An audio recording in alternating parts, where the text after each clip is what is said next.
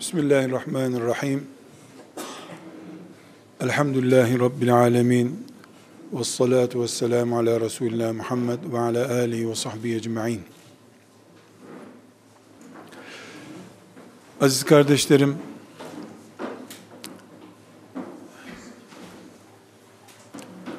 Müslümanların Kabe'si, Müslümanlığın oluşturması gereken sonuçlardan değerli değildir. Çünkü Kabe taş yığınıdır. Sembolize ettiği şey manevidir. Kabe selde yıkılmıştı. Yenisi yapıldı. Eskiyince de sökülüp yapılabilir.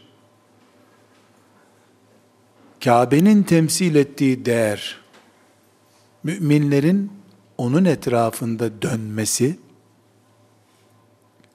kaybolduğu zaman Kabe'den büyük bir afettir bu. Bugün burada mümin kardeşler olarak bir aradayız.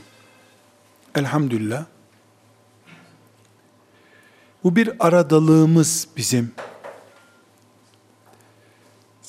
Kabe'nin etrafında dönme mantığımızdan kaynaklanıyor.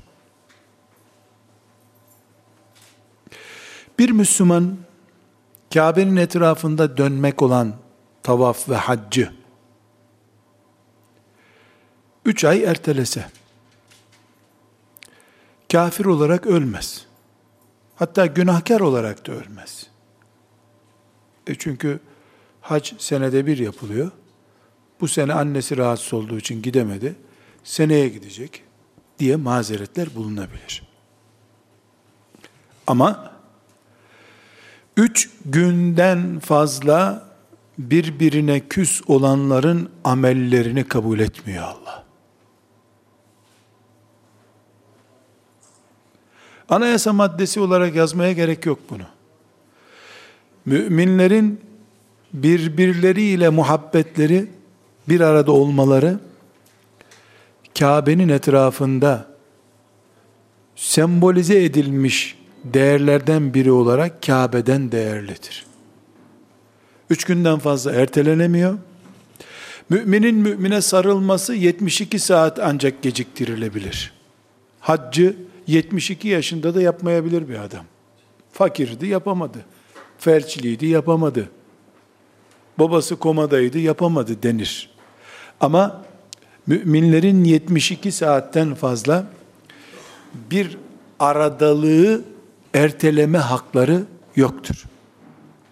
Bugün İslam fiziki olarak ashab-ı kiram dahil bütün zamanların en gelişmiş boyutuna ulaştı. Elhamdülillah. Yeryüzündeki cami sayısıyla ölçsen, ashab-ı kiramın bin katıdır belki. Daha da fazla. En az bin. Yani bini sembolik bir rakam olarak kullanıyorum. İnsan sayısı olarak ölçsen, yüz milyonlarla ifade ediliyoruz. Kur'an'ın okunulurluğu açısından ölçsen, ashab-ı kiram, bizim Anadolu'nun bir ilçesinde ki hafız sayısı kadar hafız yetiştiremediler. Okuması belki de ashab-ı kiramı geçmiştir Kur'an'ın. Ama kenetlenmemiz için iman kelimesinin İslam kelimesinin yeterliliği açısından baktığımızda bir tür cahiliye dönemi yaşıyoruz. Bunun da en büyük göstergesi maalesef cami İslam'ın simgesi olduğu halde kardeşlik için buluşma noktamız olamıyor. Basit bir dernek levhası, basit bir vakıf levhası minareden daha güçlü. Kat etmemiz gereken yolun büyüklüğünü gösteriyor. Yaşadığımız trajedinin acılığını gösteriyor bu. Camiler güç olarak eğer bizi birleştirmiyorsa hiç kimse vakfının büyüklüğüyle, derneğinin büyüklüğüyle, tarikatının büyüklüğüyle övünmesin. Sözlerimi Rabbimin rahmetine sığınarak söyleyeceğim. Yanlış anlaşılır diye de korkmuyor değilim. Ama bazı hakikatlerin acı da olsa dile getirilmesi gerekiyor. Arkadaşlar, lütfen acımı dillendirdiğimi bilerek duyun bu sözü. Yüreğim sızlıyor. Utanıyorum, haya ediyorum. Ama sonuç böyledir diye korkuyorum. Eğer Müslümanların bilhassa son 50 senesinde tarikatların, cemaatlerin, grupların holdingleştiği son 50 senede 1950'deki Menderes zaferinden sonraki dönemden itibaren bu ülkede laiklik olmasaydı korkarım birbirlerinin camisinde namaz kılmayan, birbirlerini camiye göre seçen, A camisi, B camisi Müslümanı diye camiye göre Müslüman belirleyen ve birbirlerinin cenazesini o camideyse kıldım kılmam, cenazesine gitmem diyen parçalanmış halde olurduk diye korkuyorum. Allah bir köpekle, bir zalimle dinini teyit eder. Kullarının imtihanı gereği. Kafirle dinini ayakta tutar Allah. Hadis var. Facirle tutar. Yahu içim sızlıyor söylemeye, laiklik rahmet oldu İslam için be. Benden ayet mi var bu konuda demeyesiniz sakın. Herhangi bir güçlü tarikatın, cemaatin elinde olsa devlet gücü, Müslüman olduğumuzu noterden de belgeleyemezdik biz. Onların tarikatına girmedikçe, onların grubuna dahil olmadıkça. Zekatını onların bağlı kurumuna vermedikçe zekatın yeniden verilecek diye kanun çıkarabilirlerdi. Çünkü geldiğimiz dönemde kardeşler, vakıflarımız İslam'a hizmet için kurulduğu halde İslam'dan değerli hale gelmiştir. Etkileri de minareden güçlüdür. Acıyı konuşuyorum. Olması gerekeni konuşmuyorum elbette. Faciayı dillendiriyorum. Resulullah'tan değerli sallallahu aleyhi ve sellem büyüklerimiz oluşu verdi. Neredeyse peygambere bile şefaat edecek adamlarımız var şükürler olsun. Acı, çirkin, utanılacak bir şey. Tek umudum var ki 20 yaşında bembeyaz, henüz tüyleri yanaklarını kapatmamış gençler bu halden utandıklarını söyleyerek bana sarılıyorlar ve ağlıyorlar. Umudum budur. Deyim yerindeyse kaşarlanmamışlar henüz.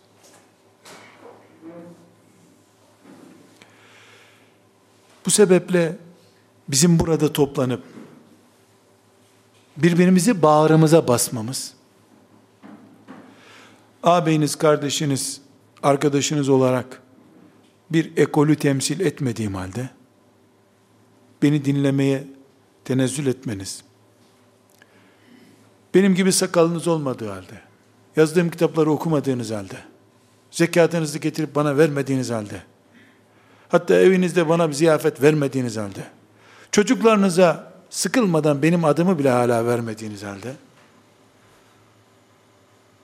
Rabbimden tıpkı biraz önce kıldığım ikindi namazının sevabını beklediğim gibi, cennet beklemek için size sarılmaktan zevk alıyorsam ben, umudum budur işte.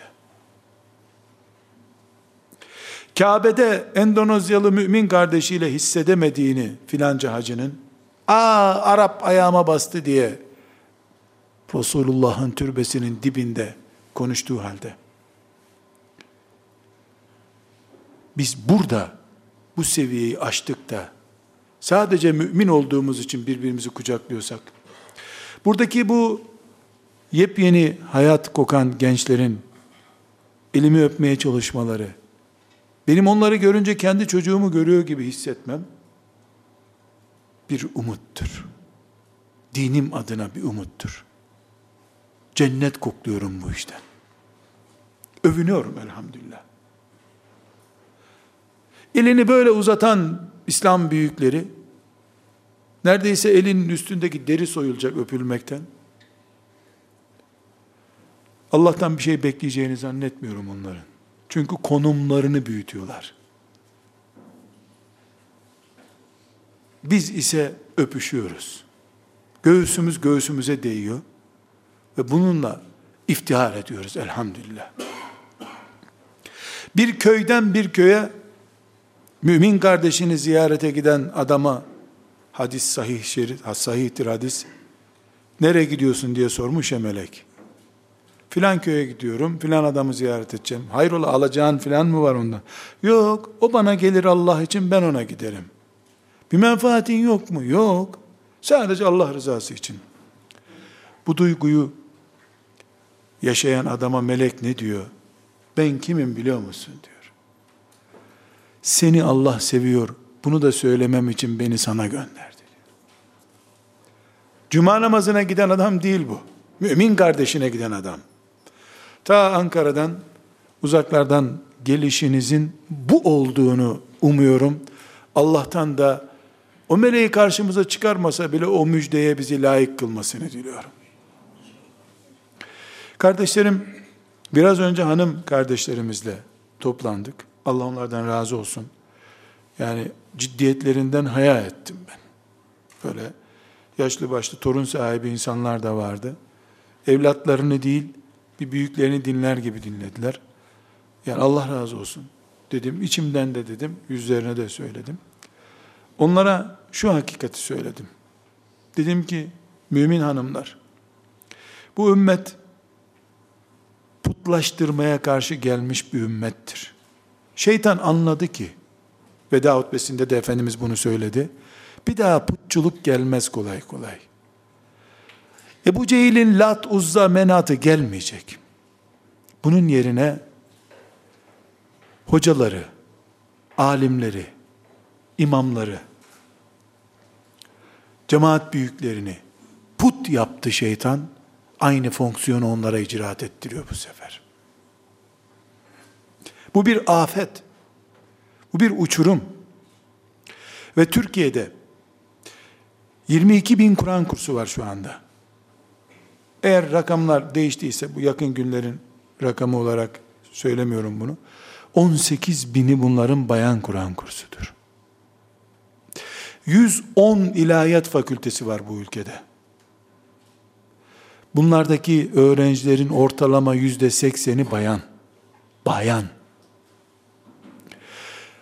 Gör veya görme 10 sene sonra bu ülkede din eğiten, din öğreten, din hizmeti yapan, Allah adına konuşanların yüzde sekseni bayan olacak. Dedim ki onlara, hanım kardeşlerim, erkekler hilafetsiz bu yüz seneyi bugünlere getirdiler. Vakıfları, cemaatleri, dernekleri, şeyhleri, tarikatları kendi putları yapıp önlerine koyup getirdiler. Müslümanları şucu bucu diye ayırdılar. Peygamberden değerli adamlarımız oldu neredeyse. Çetin bir yokuşa sürüldük. Bu size geçecek din hizmetleri. Görünüyor bu. Kadınlar tuttuğunu daha iyi yürütüyorlar.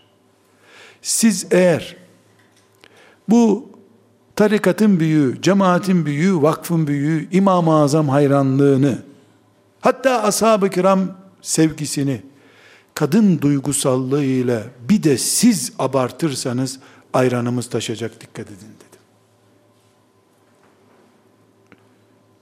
Bir bayan, bayan kardeşim dedi ki bu ilahiyatları bu hale getiren siyasi iktidara da söyle bu sözleri o zaman dedi. Dedim hanımefendi Alan razı, veren razıya iktidar ne yapsın? Herkes halinden memnun.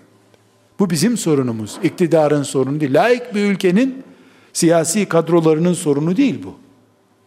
Müslümanların sorunu. Burada da aynı şeyi tekrar söylüyorum kardeşlerim. Yakın tarih kadınların din adına önümüzde durduğu tarih olacak. Erkekler tenezzül edip kitap okumuyorlar çünkü. Erkekler kitap kampına gelmiyorlar. Sadece sembolik bir rakam olsun diye söylüyorum. Yıl başından yani Ocak ayından bugüne kadar, 5. ayın ortasına kadar 6 grup kadın Avrupa'dan bizden hızlandırılmış kamp görmek için İstanbul'a geldi. 15'er kişilik, 30'er kişilik gruplar halinde. İki de erkek grup geldi. Yaşları 20 ile 25 yaş arasında olan kadınlar geliyor, bize dinimizin gerçek boyutunu öğretin diyorlar. Kamp yapıyoruz onlara. Kızlar 15'er günlük, 10'ar günlük için geldiler. Erkeklerin iki grubu da 3'er günlük için geldi. Cumartesi pazarı rastlattılar tatile. Allah'ın kimseye minneti yok. Yalvarmıyor kimseye. Erkekler kitap okumuyor, ilmi merak etmiyor. Bir hoca efendinin dizinin dibinde bir fıkıh kitabını okumuyor. Hadis kitabı okumuyor. Kadınlar okuyor. Okuyunca alın diyor Allah. Kadınlar eğer Anadolu deyimiyle elinin hamuruyla bu gruplaşmaya dalarlarsa Allah sonumuzu hayretsin. Bunun için Resulullah'tan başka liderimiz olmadan, ashab-ı kiramdan başka peşinden gidilecek yüzde yüz sevdiğimiz kimse olmadığından, Ebu Hanife'nin mezhebini mezhebimiz kabul ederek, ama putlaştırmayarak, birbirimizin hatalarını görmeden, sadece birbirimizin güzellikleriyle baş başa kalarak, karılarımız, kızlarımızı konuşmadığımız gibi, tarikatımızı, cemaatimizi de konuşmayarak bir kardeşlik ortamı oluşturmamız lazım. Herkesin ailesi kendi ailesi, herkesin şeyhi kendi şeyhi diyebilmeliyiz. Bu ortamı oluşturursak gökten bize yağmurdan önce rahmet inecek. Ashab-ı kiramın da kendilerine göre bugünkü deyimlerle grupları, tarikatları vardı. Ama camiye geldiklerinde herkesin tarikatı kendisinin Allahu Ekber dendi mi imam herkes aynı namazı kılıyordu. Biz adeta parçalanmaktan zevk alan, molekülleri bölündükçe mutlu olan bir havaya dönüştük. Birbirimizin şeyhini namazımızı bile etkileyecek hale getirdik. Bir hatıramı size nakletip sözümü bitirmek istiyorum. Medine-i Münevvere'deyiz. Orada talebe olduğum yıllardan birinde. Türkiye'den şu anda Rabbimin rahmetine kavuştu inşallah. Ee, büyük kıraat alimi olan birisi ile Ravza'da Kur'an okuduk da işte babamı sordum, o bana oradan sordu derken e, bir Türk hacısı yanımıza yanaştı. Dedi ki siz hoca mısınız dedi. Dedim ben değilim ama bu zat hoca dedim. Size soru soracağım dedi. Biz yedi gündür buradayız dedi. Ben namazlarımı kılmıyorum burada dedi. Ziyaretimi yapıp gidiyorum dedi. Nerede kılmıyorsun dedim. Peygamberimizin kabrinin yanında kılmıyorum dedi. Nerede kılıyorsun dedim. Otelde kılıyorum dedi. Buraya ne yapmaya geliyorsun dedim. Buraya da kabri ziyarete geliyorum dedi. Namaz niye kılmıyorsun dedim. İmamlar Vahabi dedi. Yani gavur mu dedim. Ya keşke gavur olsa dedi. Vahabi dedi. Baktım ben genç adamım. Dedim ben hoca değilim zaten. Şoförüm. Hoca efendiyi buraya getirdik dedim. Sen hoca efendiye sor bunu dedim. O da dedi ki ona şimdi git namazdan sonra gel bana dedi. Ben Kur'an okuyacağım dedi. Adam da kalktı gitti. O gidince dedi ki iyi ki gitti. Ömrümün bu yaşında cinayet işleyecektim az kalsın dedi. Sonra dedi ki Trabzonlu, yani sizin tanıdığınız biri olmayabilir. Mehmet Aşık Kutlu, Mehmet Rüştü Aşık Kutlu diye bir Allah dostu, Cumhuriyet döneminin Kur'an'ı ayakta tutan 3-5 isminden biridir. Mevcut e, Kur'an müderrislerinin çok büyük bir bölümü onun veya Abdurrahman Gürses ya da Bacağı Kesik İsmail Efendi gibi 3-5 kişinin talebesidirler. Yani Allah'ın Cumhuriyet döneminde Kur'an'ı yaşatmak için seçtiği kıraat alimlerinden 3-5 kişiden bir tanesidir. Bu Hoca Efendi, Mahmut Sarıcı isimli Hoca Efendi bu zat, rahmete vesile olsun diye ismini de zikredeyim. Dedi ki, Nurattin dedi, 1965'te hocamla, yani Aşık Kutlu'yla hacca geldik dedi. Oturduk burada beraber Kur'an okuyorduk. Hatta Taha suresini okuduk. Hocam okudu ben dinledim onu da hatırlıyorum dedi. Bu olay 1989'da. 60'lardaki bir olayı anlatıyor şimdi. Benim konuş, dinlediğim konuşma 89 yılında. Hoca Efendi'nin hatırası 65 yılında. Beraber konuşuyorduk. Yine böyle bir adam geldi dedi. Aynı soruyu sordu dedi. Bu imamların arkasında namaz olur mu? Bunlar Vahabiymiş. Dedi dedi. Hocam ona dedi ki o zaman, dikkat edin arkadaşlar. Asas anlatacağı mesaj burada. Be adam demiş. Eğer Allah'ın gücü, peygamberinin yanında bile namazlarını kıldırttıramayacak kadar zayıfladıysa niye iman ettik bu Allah'a dedi. İslam o hale geldi ki en büyük ibadet namaz olduğu halde namazı emreden ve ilk namazı kılan Resulullah'ın mescidinde aleyhissalatü vesselam kabrinin yanında kılınan namazlar olmuyor.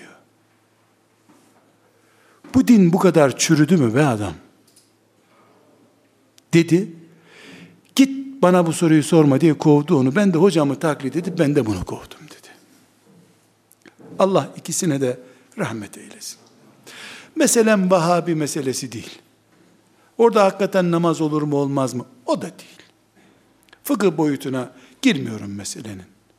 Ama bir alim, Allah ona rahmet etsin, meseleyi hangi boyutla ele aldı? Nedir o boyut? Onun arkasında namaz olup olmadığı değil. Resulullah'ın mescidinde namazlar 50 senedir boşa gidiyor. Trabzon'un bir köyünde de makbul oluyor. Peygamberin mescidini bile koruyamamış Allah. Bir alimin bir sorudaki mikrobik bölümü ortaya çıkarış mantığı bu. Filanca şeyh batıl mıdır, yanlış mıdır? Filanca grupla filanca tartıştılar. Kim haklı? Dur güzel kardeşim. Bu İslam'la ilgili bir konu mu? He, Müslüman mı konuşuyoruz? Bunun faturasını İslam mı ödeyecek? Evet. Kaça mal olacak İslam'a bu kavga onu söyle bana. Filanca ile filanca üç aydır beş aydır kavga ediyorlar. İkisi de ölüp gidince bu kavga kime mal olacak? Allah'ın dinine. Sen dinini mi merak ediyorsun? Fani Ahmet'le Mehmet'i mi? Kabe'de namaz olmuyor. Vahabi kıldırıyor. İstanbul'da olmuyor, laik imam kıldırıyor. Medine'de olmuyor, Vahabi imam kıldırıyor. Ümmeti Muhammed'in namazı olmuyorsa nesi oluyor? Vakfa bağışladığı zekatı makbul ama. Ee,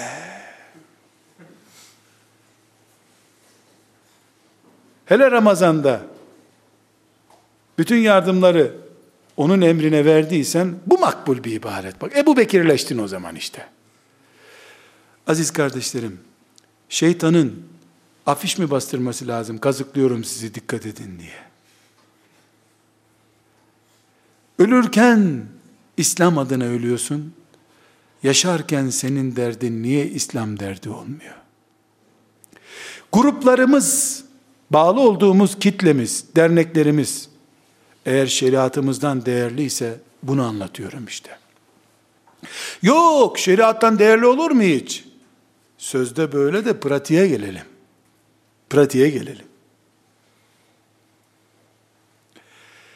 Umuyorum ne anlatmak istediğim anlaşılıyordur. Bu tür sözlerimin bedelini ben çok iyi biliyorum. Çok iyi hem de. Cımbızla sağı solu yontulup orta yerden yeni din oluşturan bir hoca kılığında sunulabilirim ben. Birileri bedel ödeyecek. Hakikatin anlaşılması için benim kafam kopması gerekiyorsa sadece Hamza mı Uhud'da şehit olacak? Hamza şirke karşı hakikati haykırdı. Bu gizli şirk dalgalarına karşı da ben niye haykırmayayım? Bunun için kardeşlerim, Müslümanla uğraşan Müslüman, hayırsız Müslümandır. Hiçbir Müslüman kıyamet günü, Ya Rabbi, cehenneme girenlerin listesini ben topluyordum diye bir ibadet çeşidi getiremeyecektir. Hizmet alanınız ne?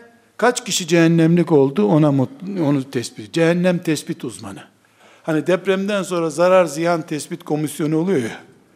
Hilafetten sonra kimler kafir oldu onu tespit ediyor. Utanılacak bir durum bu. Rabbim seni Müslümanların ayıplarını tespit etmek için mi görevlendirdi? Bu din ayıp örtme dini mi? Ayıp kabartma dini mi? Birbirimize sarılmaya korkar olduk. Resmimi mi çekecek? Sesimi mi kaydedecek? Cebindeki bıçağı kafama mı batıracak? Birbirimizden nasıl korkarız biz? Birbirimize kızımızla evlenir misin diye teklif etmeye korkar olduk. Ne der acaba diye. Denir mi la adama kızımla evlen? Denmez tabi. Çünkü adam sana arabasını bile al benim arabam iyidir dese muhakkak kendisi bıktı bu arabanın tamirinden onun için kazıklıyor bana diyeceksin. Kız zaten evde kaldığı için veriyordur sana. Allah bizi cennete uygun bulsun istiyoruz. Biz birbirimize güvenmiyoruz. Allah bize güvensin, cennet versin istiyoruz ama. Allah güvensin, ben güvenmeyeyim. Yıldırım düşse kafamıza bu kadar kötü bir şimşek çakmazdı gözümüzde herhalde. Bu sebeple buradaki beraberliğimizi dilerim Rabbim meleklerine benim için de o toplantı diye kaydettirsin. Ben öyle geldim. Öyle. O niyetle buradayım. Dinlenmeye muhtacım ben de belki. Belki benim de sıkıntılarım, dertlerim var. Ama şifam olur diye geldim.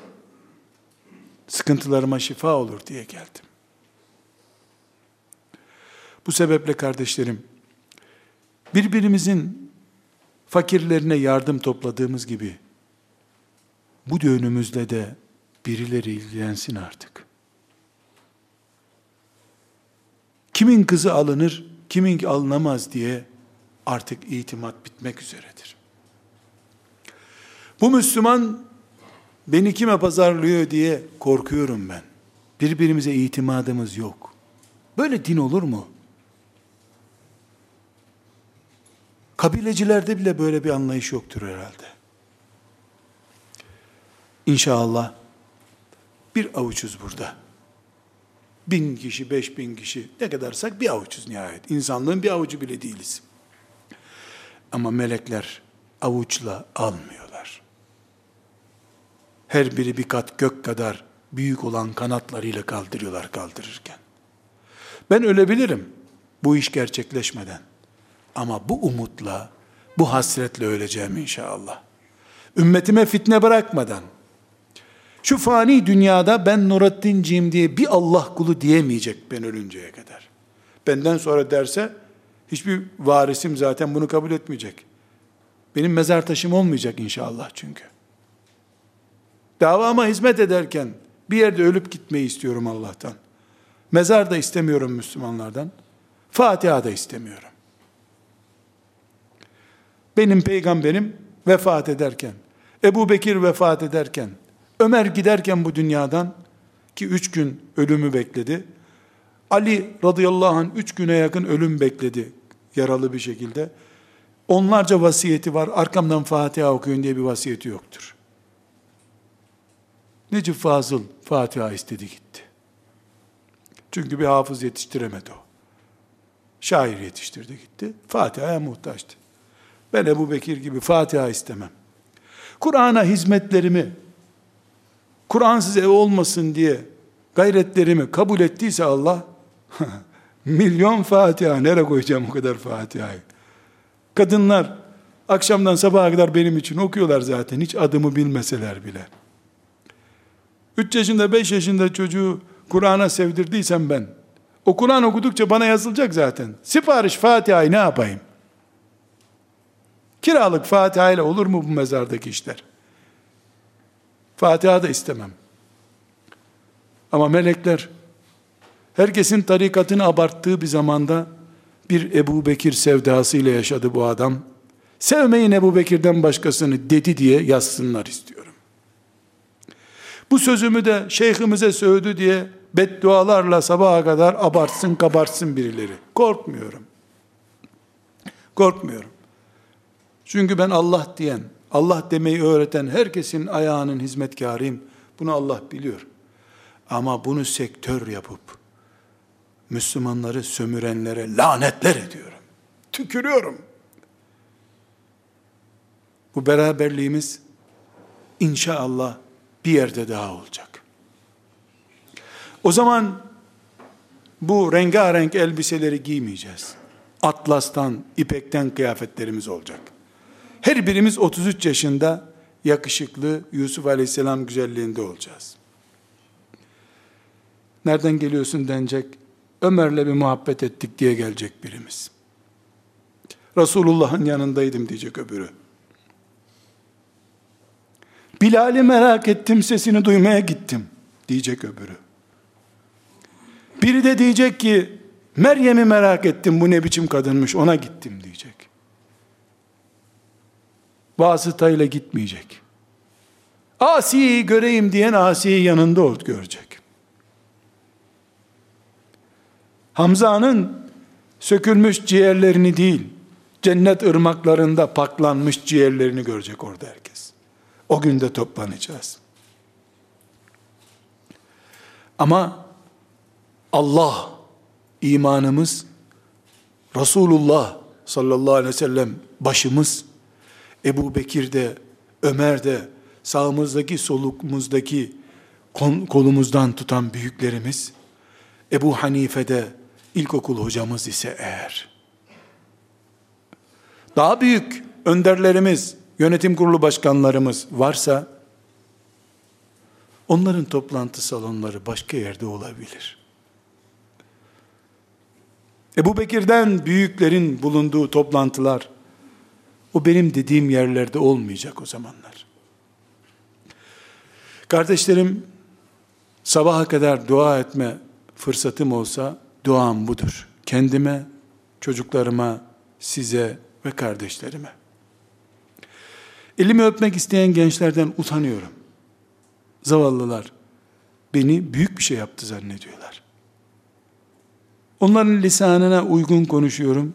Onlar da büyük alim zannediyorlar beni, aldanıyorlar. Etmeyin yavrum, eli öpülecek insan değilim diyorum. Seni çok seviyorum diyor, yanlış diyor diyorsun. Benden duyduğun Resulullah'ı seviyorsun sen. Ben sana İbrahim'in oğlunu kesmediğini ama bunun kurban hikayesi olmadığını, başka bir hikaye olduğunu anlatıyorum. Sen bende Hacer'in gökleri delip geçen imanını görüyorsun. Şahsında görmüyorsun, dilimden onu duyuyorsun.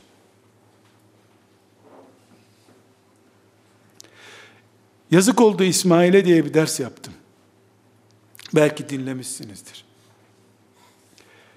Ondan bir on gün sonra bir kadın telefon etti. Dedi ki, hocam bir şey söyleyeceğim, sözüm yarım kalırsa kusura bakma dedi. Buyur dedim. Beş çocuğum var yetim bırakacaktın o çocukları sen dedi. Nasıl oldu abla dedim. Bu sözümü unutma dedi. Yetim bırakacaktın o çocukları dedi. Ancak yarısına kadar dinleyebildim o dersi dedi. Hala gerisini dinleyemedim dedi. Küçük çocuklarım var onlar yetim kalmasın istiyorum dedi. Ve kapattı telefonu. Bu kadın Nurattin Hoca'ya hayran değil. Hoca görmemişi de değil. Hacer'i getirdi de Kabe'de su yoktu da yürüdü de bir vurdu zemzem çıktı. Sare bulsa bu suyu içseydi dedi. İşte şeylik yap, kumalık yaptı. Melekler getirdi. Yahu çok akmasın bu su, dünya sele gider dedi. Hikaye olarak dinlediği İbrahim'in karısını karşısına Allah dediyse sana o beni zayi etmez git İbrahim diyen kadını çıkardım ben. Heybet kadında. Bende bir şey yok. Onun için kardeşlerim huzurluyum, mutluyum. Duam işlese hepimiz için sabahlara kadar dilimden tüy bitinceye kadar duam budur. Hepinize teşekkür ediyorum geldiğiniz için, nezaket gösterip dinlediğiniz için. Allah sizlerden razı olsun.